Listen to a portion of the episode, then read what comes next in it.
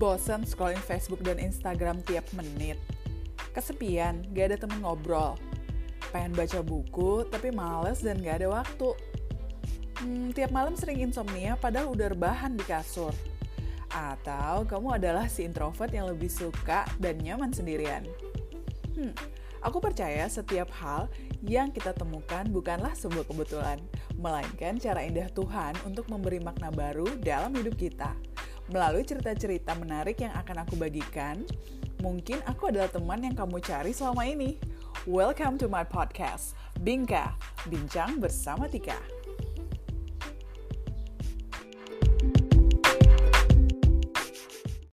Hai Binkers, welcome back to my podcast channel.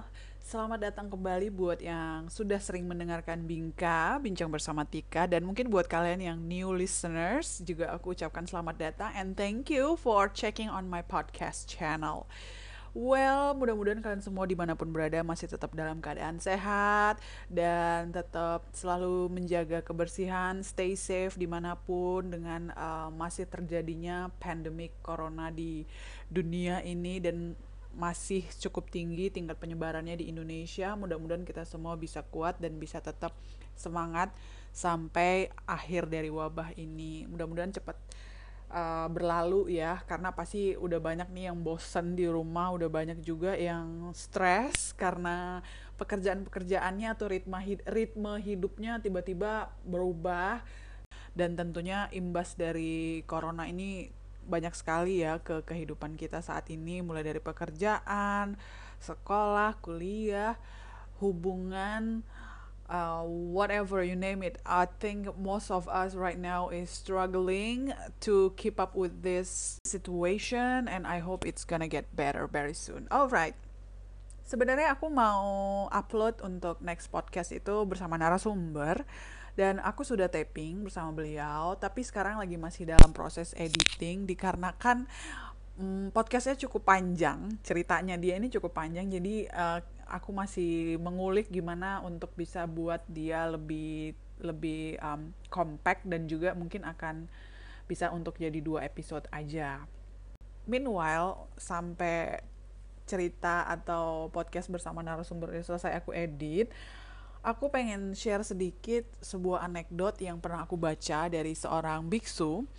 Dan uh, menurut aku ini ceritanya apa ya menjadi satu pandangan baru dalam hidup aku. Dan bahkan ketika aku baca cerita itu aku benar-benar relate banget dengan diri aku sendiri dan oh ya gitu. Jadi tiba-tiba banyak hal yang aku tersadarkan. Dan aku selalu nginget banget cerita ini. Sampai hari ini aku masih inget banget dan selalu aku pegang banget cerita itu di saat aku itu lagi galau, lagi sedih, kecewa, marah, banyak hal yang terjadi dan aku selalu kembali lagi relate kepada cerita yang uh, beliau berikan. Well, cerita ini uh, dikisahkan oleh seorang Ajan Bram. Mungkin di antara teman-teman udah pernah ada yang dengar dengan seorang Ajan Bram. Dia adalah seorang biksu. Ini berikut sedikit uh, biodatanya ya, biar kita sama-sama tahu siapa sih Ajan Bramnya. Oke, okay, uh, nama aslinya, eh sorry, bukan nama asli. Jadi nama biksu ini adalah Ajan Brahma Famso. Tapi dia itu lebih akrab atau biasanya lebih dipanggil dengan singkatan Ajan Brahm aja. Dia ini dilahirkan dengan nama Peter Betts di dan lahirnya itu di London 7 Agustus 1951 dia berlatar belakang keluarga buruh dan dia pernah mendapatkan beasiswa untuk belajar fisika teori di Cambridge University pada tahun 1960-an akhir. Setelah dia lulus dari Cambridge, ia mengajar SMA selama satu tahun sebelum pergi ke Thailand untuk menjadi biksu dan berlatih di bawah bimbingan Ajahn Chah yang tersohor selama 9 tahun. Oke, jadi dia ini adalah muridnya Ajan Chah. Mungkin uh, teman-teman bisa Google. Aku juga dulu sering baca tentang Ajan Chah dan Ajan Chah ini sudah wafat ya, sudah meninggal saat ini. Dan Ajan Bram ini adalah salah satu murid beliau. So, buku yang dia terbitkan itu lumayan banyak dan uh, cerita anekdot yang mau aku share ini adalah salah satu dari bukunya yang berjudul Si Cacing dan Kotoran Kesayangannya. Mungkin udah ada yang pernah baca juga. I'm sure you guys have read about this book. It's a very good. Benar di buku itu nggak menceritakan tentang suatu agama, tidak. Dia benar-benar menceritakan tentang uh, self worth atau self loving, how to handle yourself dan more about that.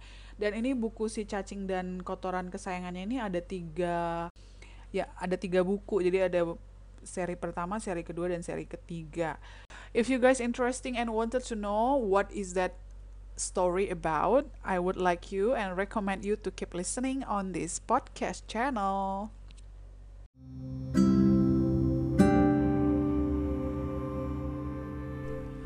Anekdot ini diambil dari buku pertama dari cacing dan kotoran kesayangannya oleh Ajan Bram dalam tema kesempurnaan dan kesalahan. Dan ini aku bacakan anekdot pertama, judulnya Dua Bata Jelek. Setelah kami membeli tanah untuk vihara kami pada tahun 1983, kami jatuh bangkrut. Kami terjerat hutang. Tak ada bangunan di atas tanah itu pun tak sebuah gubuk.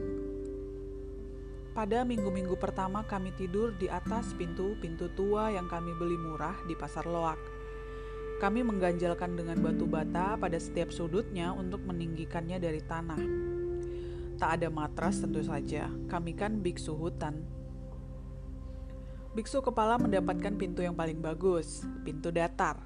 Pintu saya bergelombang dengan lubang yang cukup besar di tengahnya di mana dulunya tempat pegangan pintu. Saya senang karena gagang pintu itu telah copot, tetapi lantas jadinya ada lubang persis di tengah-tengah ranjang pintu saya. Saya melucu dengan mengatakan bahwa sekarang saya tidak perlu bangkit dari ranjang ketika ingin pergi ke toilet.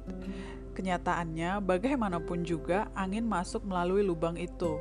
Saya jadi tak bisa tidur nyenyak selama malam-malam itu. Kami hanyalah biksu-biksu miskin yang memerlukan sebuah bangunan. Kami tak mampu membayar tukang.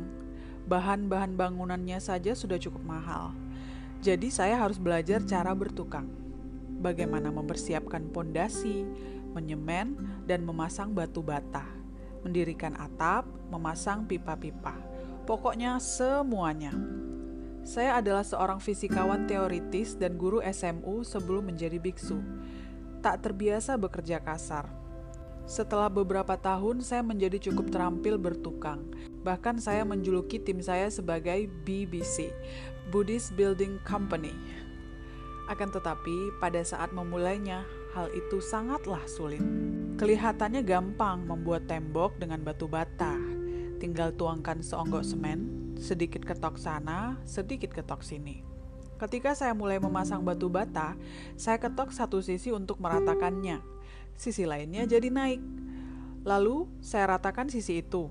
Batu batanya jadi melenceng. Setelah saya ratakan kembali, sisi yang pertama jadi terangkat lagi. Coba saja sendiri.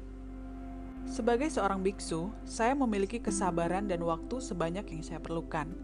Saya pastikan setiap batu bata terpasang sempurna. Tak peduli berapa lama jadinya.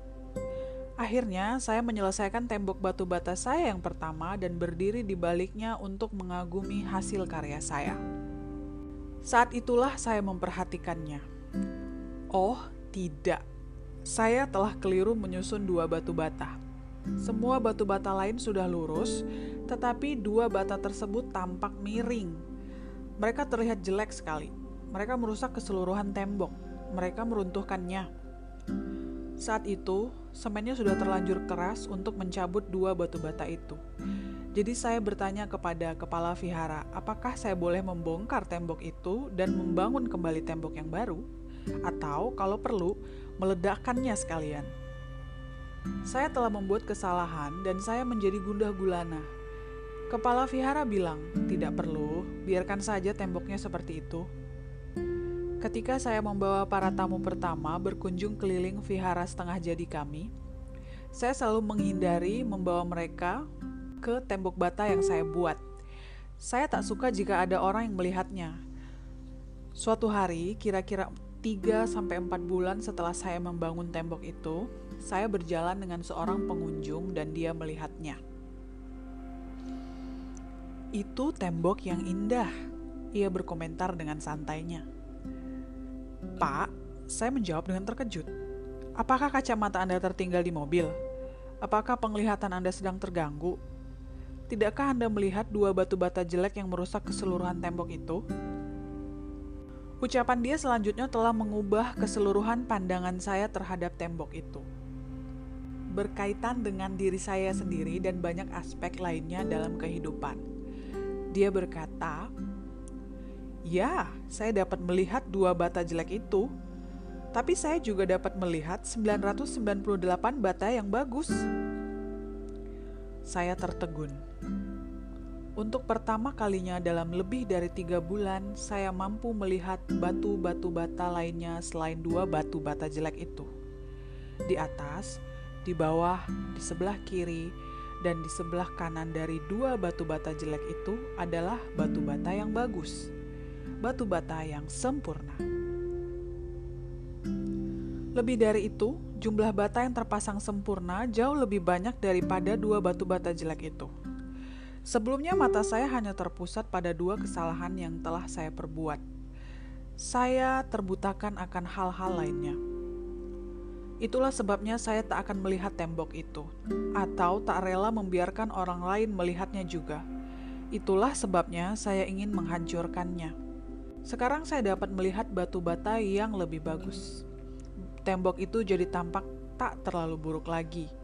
Itu menjadi seperti yang dikatakan pengunjung itu sebuah tembok yang indah. Tembok itu masih berdiri sampai sekarang. Setelah 20 tahun, tetapi saya sudah lupa persisnya di mana dua bata jelek itu berada. Saya benar-benar tak dapat melihat kesalahan itu lagi. Berapa banyak orang yang memutuskan hubungan atau bercerai ketika semua yang mereka lihat dari diri pasangannya adalah dua bata jelek? Berapa banyak di antara kita yang menjadi depresi atau bahkan ingin bunuh diri karena semua yang kita lihat dalam diri kita hanyalah dua bata jelek. Pada kenyataannya, ada banyak, jauh lebih banyak batu bata yang bagus di atas, di bawah, ke kiri, ke kanan dari yang jelek. Tetapi pada saat itu kita tidak dapat melihatnya mata kita hanya terfokus pada kekeliruan yang kita perbuat. Semua yang kita lihat adalah kesalahan, dan kita mengira hanya ada kekeliruan semata. Karenanya, kita ingin menghancurkannya, dan terkadang sayangnya kita benar-benar menghancurkan sebuah tembok yang indah. Kita semua memiliki dua batu bata jelek tetapi bata yang baik dalam diri kita masing-masing jauh lebih banyak daripada yang jelek. Begitu kita melihatnya, semua akan tampak tak begitu buruk lagi. Bukan hanya kita dapat berdamai dengan diri sendiri, termasuk dengan kesalahan-kesalahan kita, tetapi kita juga dapat menikmati hidup bersama rekan kita. Saya telah beberapa kali menceritakan anekdot ini, pada suatu pertemuan, seorang tukang bangunan mendatangi dan memberitahukan saya tentang rahasia profesinya. Kami para tukang bangunan selalu membuat kesalahan, katanya. Tetapi kami bilang ke pelanggan kami bahwa itu adalah ciri unik yang tiada duanya di rumah-rumah tetangga. Lalu kami menagih biaya tambahan ribuan dolar. Jadi, ciri unik di rumah Anda bisa jadi awalnya adalah suatu kesalahan. Dengan cara yang sama, apa yang Anda kira sebagai kesalahan pada diri Anda, rekan Anda, atau hidup pada umumnya dapat menjadi sebuah ciri unik yang memperkaya hidup Anda di dunia ini. Begitu Anda tidak terfokus padanya.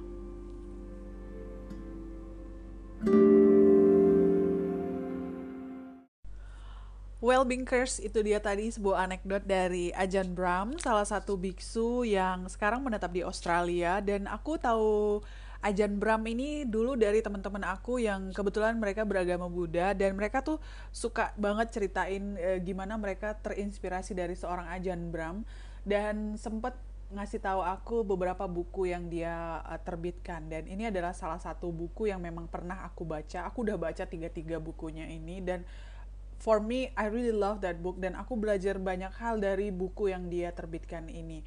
So tadi dia anekdotnya salah satunya dan kalau kalian tertarik kalian mungkin bisa cari di internet PDF PDF-nya atau mungkin bisa langsung ke toko buku langsung beli bukunya untuk mengisi waktu luang yang sekarang juga kita lagi masih stay at home bisa jadi referensi dan bahan-bahan bacaan baru. Alright Binkers, see you on my next podcast channel and thank you for listening with me Tika on Binka Podcast.